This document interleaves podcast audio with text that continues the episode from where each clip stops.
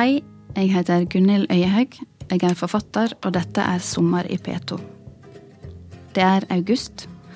Det er måneden da jeg og bror min brukte å se oppgitte på hverandre idet radioen spilte En sommer er over med Kirsti Sparbo på Reiseradioens siste program. Reiseradioen som vi hadde hørt på hver morgen hele sommeren igjennom. Sommeren er snart over, de fine stjerneskjermblomene mine står og vaier på de lange stilkene av alt regnet som har hamra ned på dem i dag, og regndråpene henger på rekke og rad under bjelkene i pergolaen. På én måte er det dumt at sommeren snart er over. På en annen måte er det bra, for da trenger jeg kanskje ikke å ha så dårlig samvitt for at dette var den eneste sommerlige sommerpraten jeg fant plass til i dette programmet. Her skal det nemlig handle om noe helt annet. På Musée d'Orsay i Paris henger det et maleri som heter L'origine du monde. Det er måla av kunstneren Gustav Courbet i 1866. På norsk ville det ha hett Verdens opphav. Det viser en kvinnetorsjo, liggende på ei seng med slapt sprikende bein. Det viser altså ei naken kvinne fra brystet og ned til sånn cirka midt på låret og det kvinnelige kjønnsorganet er i sentrum, så hårete at det er åpenbart at barbering ennå ikke er kommet på moten. Da jeg var 22, sto jeg framfor dette bildet og ble fylt til randen i hovedet av latter.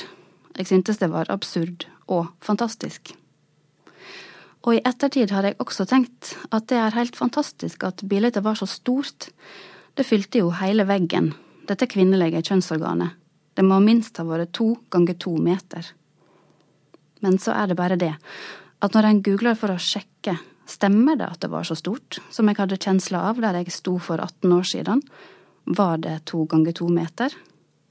Det viser seg at det ikke var to ganger to meter. Det viser seg at det var bitte lite, eller i det minste helt normalt. Det var 45 ganger 55 centimeter. Og det har med andre ord vært noe i det bildet for den jenta som var 22 år og sto og så på det, som fikk det til å fortone seg som to ganger to meter. Dette var Canossa-gang med Bite. For noen år siden skrev jeg filmmanus til filmen Kvinner i for store herreskjorter, som hadde premiere i mars i år. Manuset skrev jeg sammen med regissøren av filmen, Yngvild Sveflikke. Det var første gang jeg skrev filmmanus, og en av de tinga jeg ikke tenkte på i det hele under skrivinga, var det såkalla etterarbeidet, når filmen er spilt inn og en må legge på lyd, korrigere farger, lys, legge inn visuelle effekter om en trenger, osv. Vi brukte det samme etterarbeidsstudioet som til dømes Kampen om tungtvannet brukte når de la på sine mange visuelle effekter men der kampen om tungtvannet ved hjelp av datagrafikk la inn store fly i bakgrunnen, eller en hel fabrikk ved siden av den nåværende bygningen på Rjukan, som attpåtil blei bomba, brukte vi ei eneste visuell effekt på hele filmen. Det var, som i Kampen om tungtvannet, snakk om noe som ikke fantes visuelt i det bildet vi hadde, men det var ikke snakk om et gedigent fabrikkbygg og en eksplosjon. Det var snakk om en mensenflekk på trusa til hovedkarakter Sigrid. Du kan se denne flekken i scenen der Sigrid kommer inn på kjøkkenet til den eldre forfatteren Kåre om morgenen i leiligheten hans. Sigrid har fått mensen på det fine, hvite teppet inne på soverommet og har prøvd å tørke bort flekken, men bare gjort han større. Og så har hun tatt på seg trusa, som er det eneste hun har av klede inne på soverommet, og gått inn på kjøkkenet med armene i kors over brystet. På venstre side av trusa kan du legge merke til en mørk flekk framme på trusa, som egentlig er en litt usannsynlig plass å ha en mensenflekk. Men det er tross alt film, dette her, hallo. Da Yngvild arbeidet med denne flekken, var utfordringa å få den mørk nok så den skulle vise igjen. Jeg fikk mellom annet en SMS med bilder av scener der spørsmålet var troverdig flekk. I ettertid tenker jeg at om jeg hadde tenkt på dette, alt som kan gjøres i etterarbeidet og med visuelle effekter, kunne jeg jo ha pimpa den trusa med et lite fabrikkanlegg. Men det eneste vi trong, var faktisk en liten flekk med blod. Det var likevel ikke helt gitt at denne scenen skulle være med i filmen.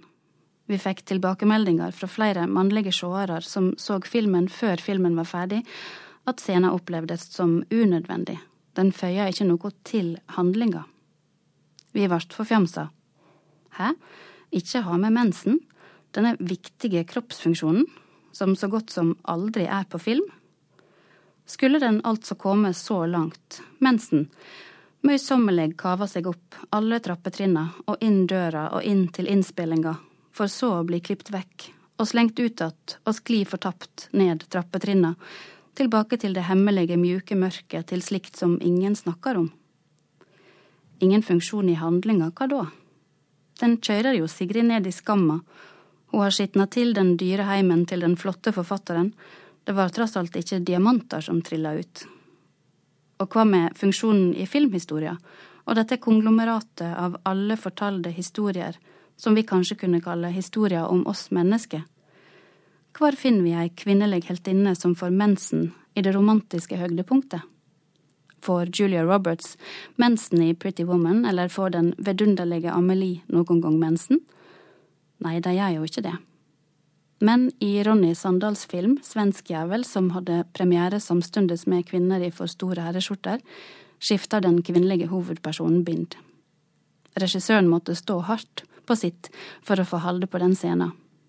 Dette var Susanne Sundfør med Fade Away. Jeg heter Gunnhild Øyhaug, og du hører på Sommer i P2. Dette er min spådom. 2015 vil gå inn i historia som det året da mensen kom til Norge. I 1104 kom kristendommen. I 1997 kom internett. I 2015 kom mensen.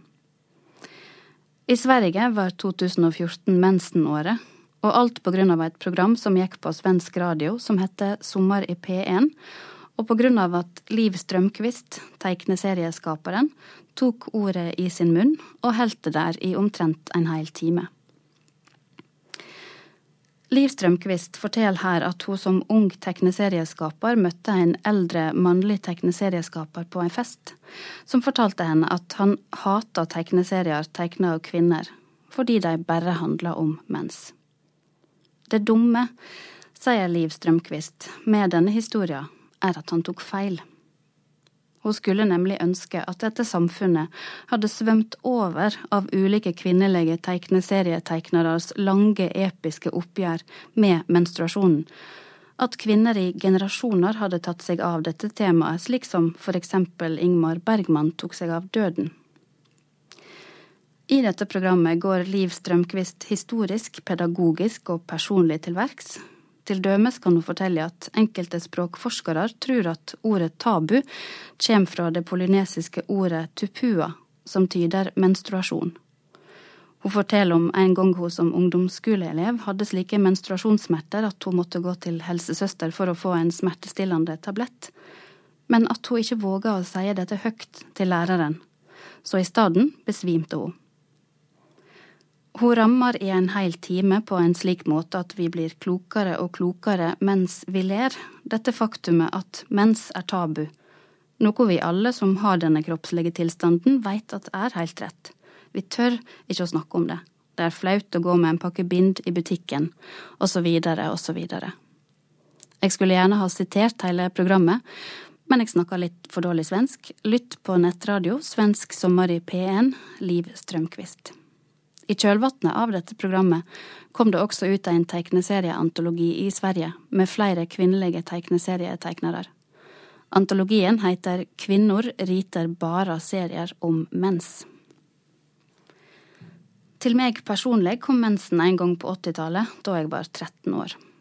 Jeg baka ei sjokoladekake til hele familien, og så sneik jeg med meg et stykke og et lite bursdagslys og fyrstikker og gikk opp på rommet mitt der jeg lukka døra og sette meg ned ved pulten min, som for øvrig far min hadde laga av ei dør, og så tente jeg på lyset, og så satt jeg der og feira at jeg var født som kvinne. Hadde jeg vært hindu, hadde dette muligvis tatt seg helt annerledes ut. Da hadde det ikke bare vært meg der inne i rommet, men hele slekta, og det hadde vært langbord og musikk og mat, som en kan se på dokumentaren om Dinosa på NRK Super. Dinosa er fra Sri Lanka, bor i Norge og har fått sin første mens, og blir feira slik tradisjonen er. Mi egen feiring var kanskje mer i tråd med det ei av Dinosa sine norske venner sier, Hun er tolv år og synes det er litt sært å feire på denne måten, for mensen er på en måte noe man holder for seg selv. Ei holdning en også kanskje kunne spore i pressekorpsets forfjamsing da hekkeløperen Isabel Pedersen sto fram med menssmerter i 2013. Hun røk ut tidlig fra hekkeløpa i VM i Moskva av dette, sterke menstruasjonssmerter. I VG kunne en lese at hun åpenhjertig innrømte at mensen ikke kom når den skulle, og en kunne lese dette, sitat, mens hun vekslet mellom å få øynene fulle av tårer og å nesten le litt av sin egen situasjon, slo hun hånden i et gjerde for å demonstrere hvor hardt hun kjente smertene i magen stikke. Sitat slutt. Alle som har hatt sterke menssmerter, veit at dette var en god demonstrasjon.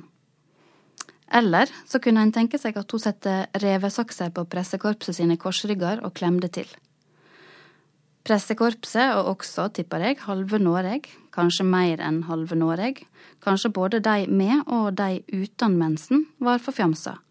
Ikke bare fordi noen sa mensen høyt, men også fordi vi hadde på en måte trodd at mensen var utrydda hos kvinnelige idrettsutøvere.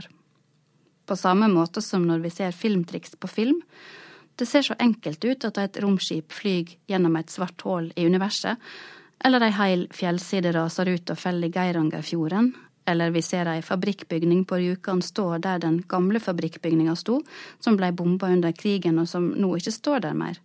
Da aksepterer vi det bare. Ja, de flyr gjennom svarte hull. Ja, fjellsida raser ut. Ja, fabrikken står der. Vi glemmer å tenke på at det er noe som ikke stemmer her. Og slik ser vi på kvinnelige idrettsutøvere med kroppsnære klær springe, hoppe og symje, og ikke ett sekund tenker vi på at den kroppen kan ha mensen. Dette bør vi jo ha klart å fikse, tenker vi. Hvorfor har vi ellers moderne teknologi, vitskap, medisin, evolusjon? Vi kan lande på månen, vi kan simulere det store smellet som skapte verden, vi kan forske på mørk materie, men vi kan ikke gjøre noe med kroppen, få den til å ikke blø når vi skal hoppe høgde? Hva gjør til dømes symjerne når de får mensen, og hva gjør synkronsvømmerne og stuperne? Ikke har jeg sett store blodpøler sveve opp kring symjerne noen gang, jeg har bare gått ut ifra at dette har de fiksa. Og det er tydelig at også Aftenpostens utsende på pressekonferansen har tenkt det samme, for han spør, kan man ikke regulere tidspunktet for mensen til en viss grad? Og her sier han akkurat det vi alle tenkte. Vi tenkte hæ, kan han ikke ta p-pillen? Vi har aldri hørt Marit Bjørgen snakke om mensen, ikke Therese Johaug heller. Det er trolig bare vi andre som veit hvor irriterende og forsmedelig det er når mensen dukker opp akkurat når noe viktig skal skje. Kanskje akkurat på bryllupsdagen din eller under eksamen så du ikke klarer å tenke. Og ikke har du tatt med deg bind heller, for mensen skulle jo ikke komme før i neste veke. Og kan du i det hele reise deg fra stolen og håpe på å bevare sjølrespekten? Og har du noen stor genser noen plass i noen sekk, eller har du bare den korte jakka? Jo, svarer Isabel Pedersen, men problemet er at den har vært uregelmessig i hele år, noe den aldri har vært før. Men det er jo pinlig å stå her og skylde på mensen i et VM. Og til VG sier hun det samme, hun sier at og nå står jeg og snakker om menstruasjon i et VM, jeg blir flau på egne vegne, men det er bare sånn det er, og jeg får ikke gjort noe med det. Men dette var i 2013. I 2015, som altså er i år, kunne vi lese i samme avis at sitat, mensenjenta fikk fiksa mensenoppstyret i april. Vi hørte Hanne Kolstø med Someone Else. Og jeg heter Gunne Løyhaug. Dette er Sommer i P2, og jeg holder på med å snakke om mensen. Til deg som akkurat slo på radioen, velkommen.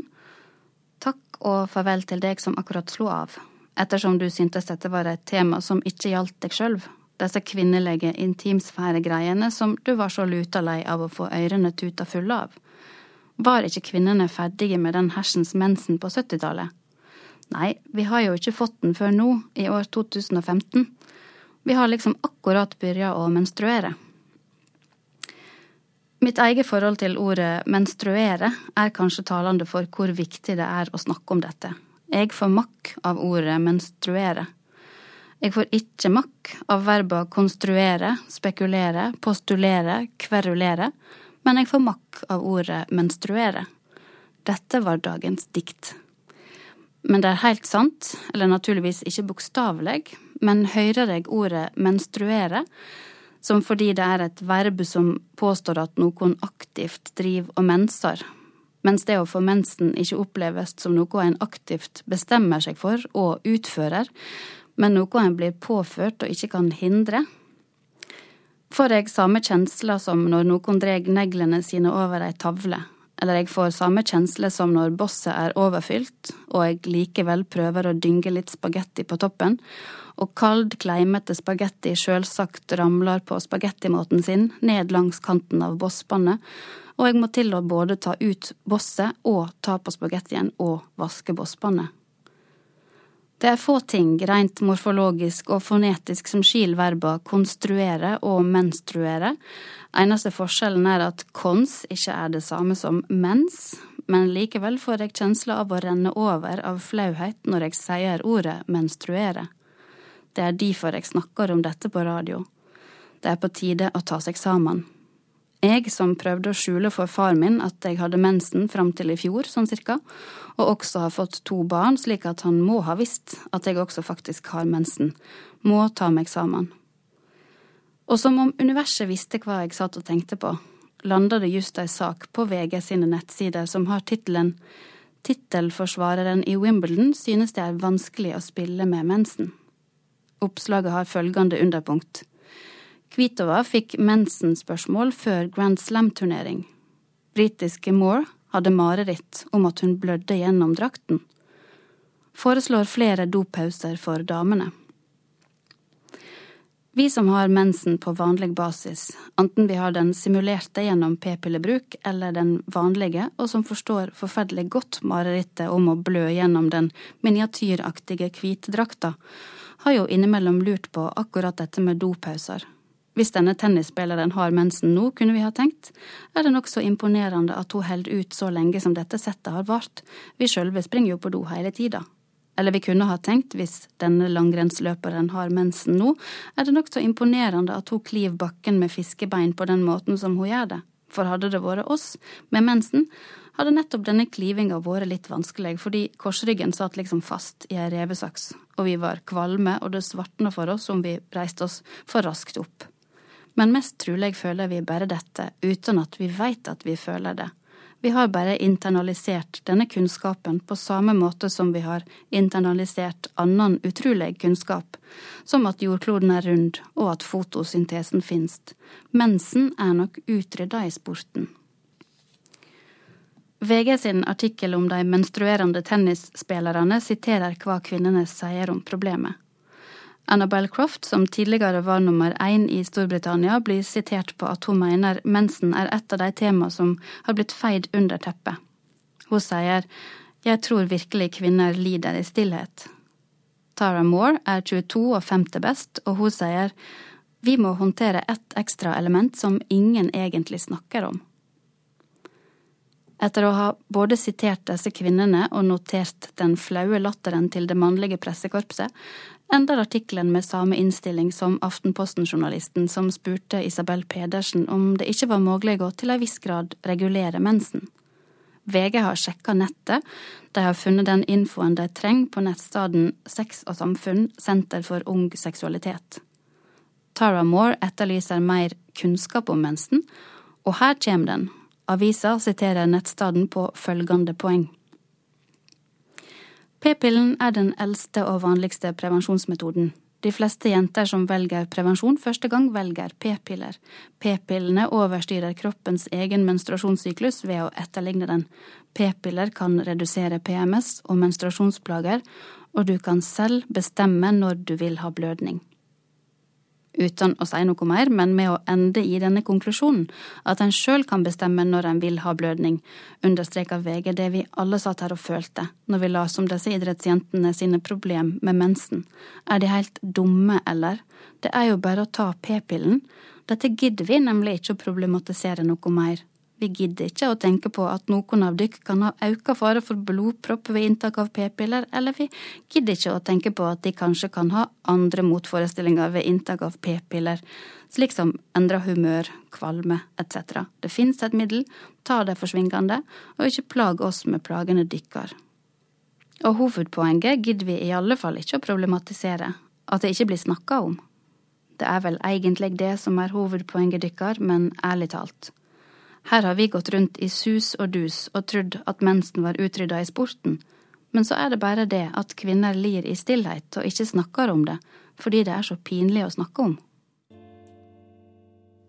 Dette var Sondre Lerche sin versjon av Wrecking Ball. Du hører på Sommer i P2, og jeg heter Gunne Løyehaug, og jeg sitter her og snakker en del om mensen.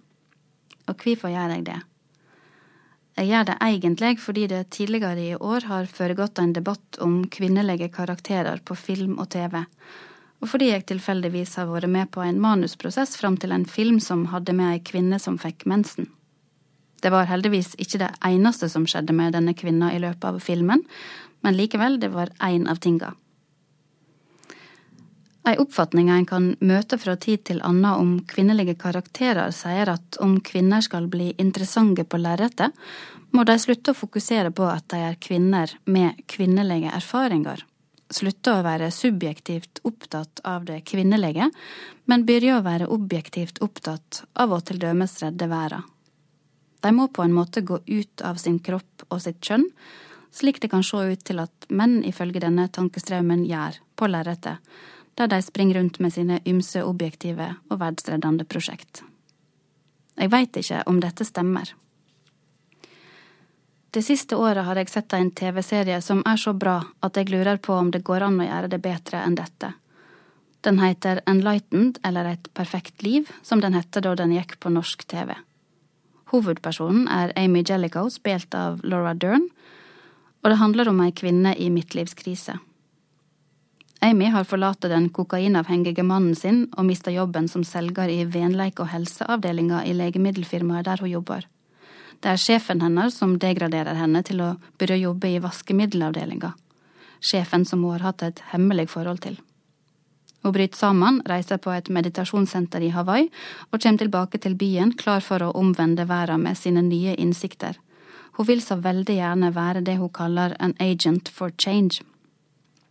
Hun flytter inn hos mor si, ei eldre, ensom og nokså beisk kvinne med en stor hage og en liten hund, og oppsøker sitt gamle legemiddelfirma for å be om ei fri stilling som selskapets vakthund, så hun kan passe på at firmaet til dømes ikke holder fram med å utføre skade på miljøet.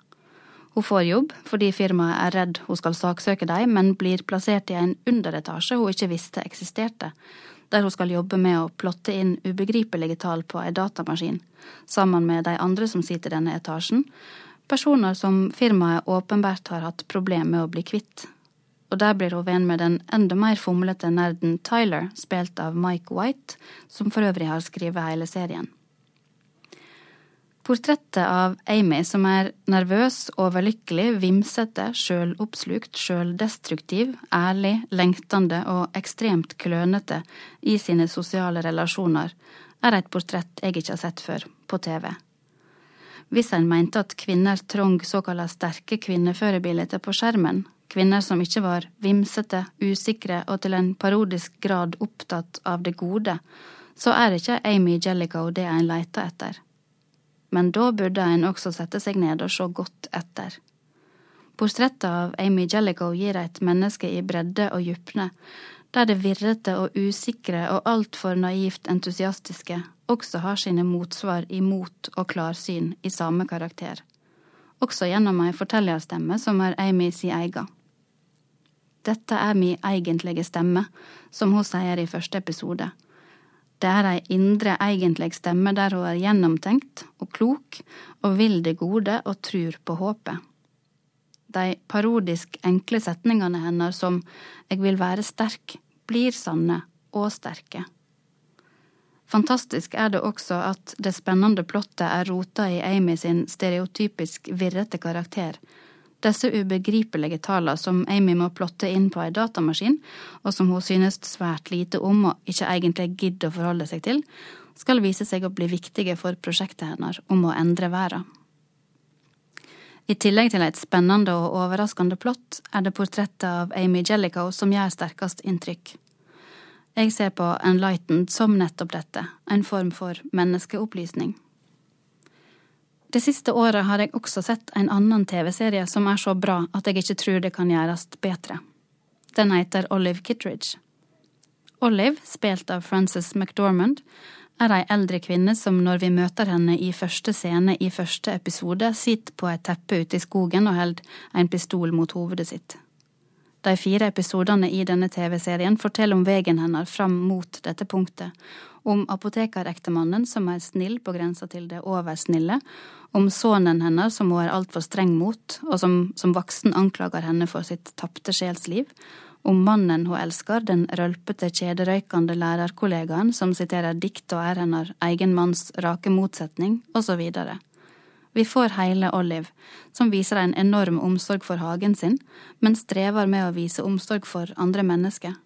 Vi ser henne fra så mange sider, gjennom så mange øyne, og gjennom henne sjøl, på en slik måte at vi forstår hvorfor det for henne er fullstendig krise å ta av seg skoene når hun må gjennom sikkerhetskontrollen på flyplassen, og hun bare har tatt med seg ett par nylonstrømper som nå er fulle av hull, slik at to tær stikker gjennom, like avslørt og ubehjelpelig som livet sjøl. Vi blir rasende på henne, og vi elsker henne. Litt slik det ofte er i det virkelige livet òg, med mennesker vi er glade i.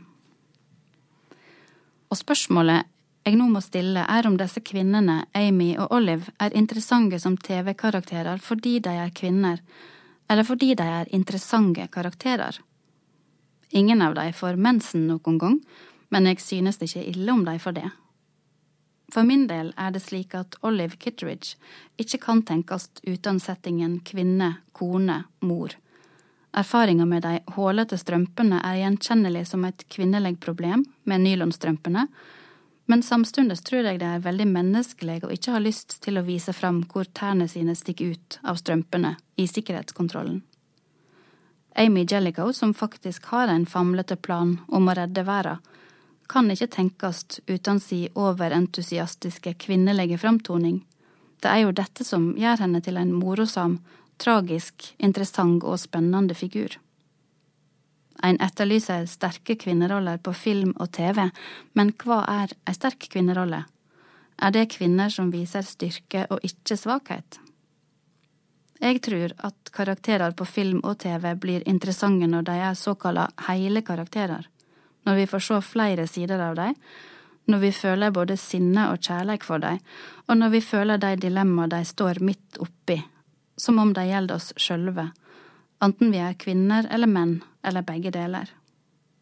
Og da må også kvinner våge å stole på at de kvinnelige erfaringene som er typisk kvinnelige, som til dømes mensen, faktisk har en plass i det spekteret som heter menneskelig erfaring, at vi er i denne digre båten som heter mennesket, alle sammen.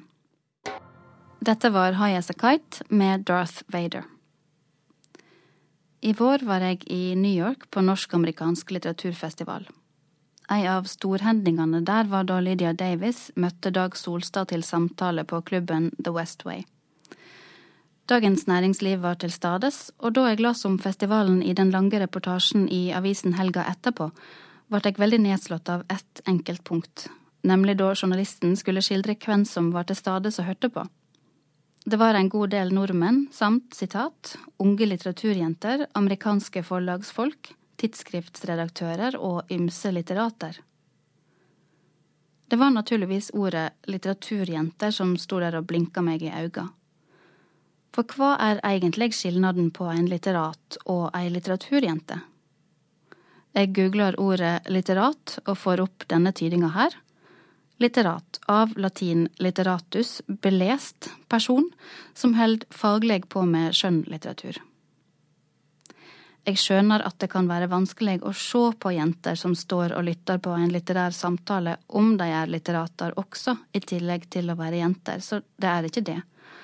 Og der fantes det ikke noe eget leksikoninnhold knytt til oppslagsordet litteraturjente, men kanskje kan vi tenke oss at den hadde sett slik ut svermerisk, av ordet sverme, som lydleg ligger nokså nært jente, hvis vi tar litt hardt i, i alle fall, og bare legg merke til de to vokalene som er av identisk sort i ordet sverme og ordet jente, og ikke bryr oss om at vokalene i sverme er mer lukka enn de litt mer åpne e-ene i jente, person som svermer kring litteraturen. Et evolusjonært forstadium til den mer kjente kulturkjerringa som vil oppstå ut av litteraturjenta ca. 30 år seinere. Jeg er jo ei jente sjøl. jeg er til og med litterat, jeg er forfatter og litteraturviter, og det har jeg vært siden jeg var 23. Og jeg tenker på at om jeg hadde stått der da jeg var 23, eller enda til da jeg var 21 og ikke hadde publisert noe ennå fordi jeg var interessert i å høre på Davis og Solstad, og noen skulle ha sett på meg og fått med seg at jeg var ei jente, og dermed ha kategorisert meg som ei litteraturjente, som om det var det jeg var, hva nå det enn egentlig vil sie, så hadde jeg blitt svært irritert. Og da hadde jeg sagt til meg sjøl at om jeg noen gang får sjansen til å snakke en hel time om akkurat det jeg vil, til dømes i Sommer i P2, så gjør det da vel. Snakk om ulike kvinner og kvinneframstillinger i aviser, i film og TV, og ikke tenk så mye på at dette skal være et sommerprogram. Smett eventuelt inn noe om været. Helsing veldig irritert Gunhild Øyhaug, 23 år. Og PS huks mensen.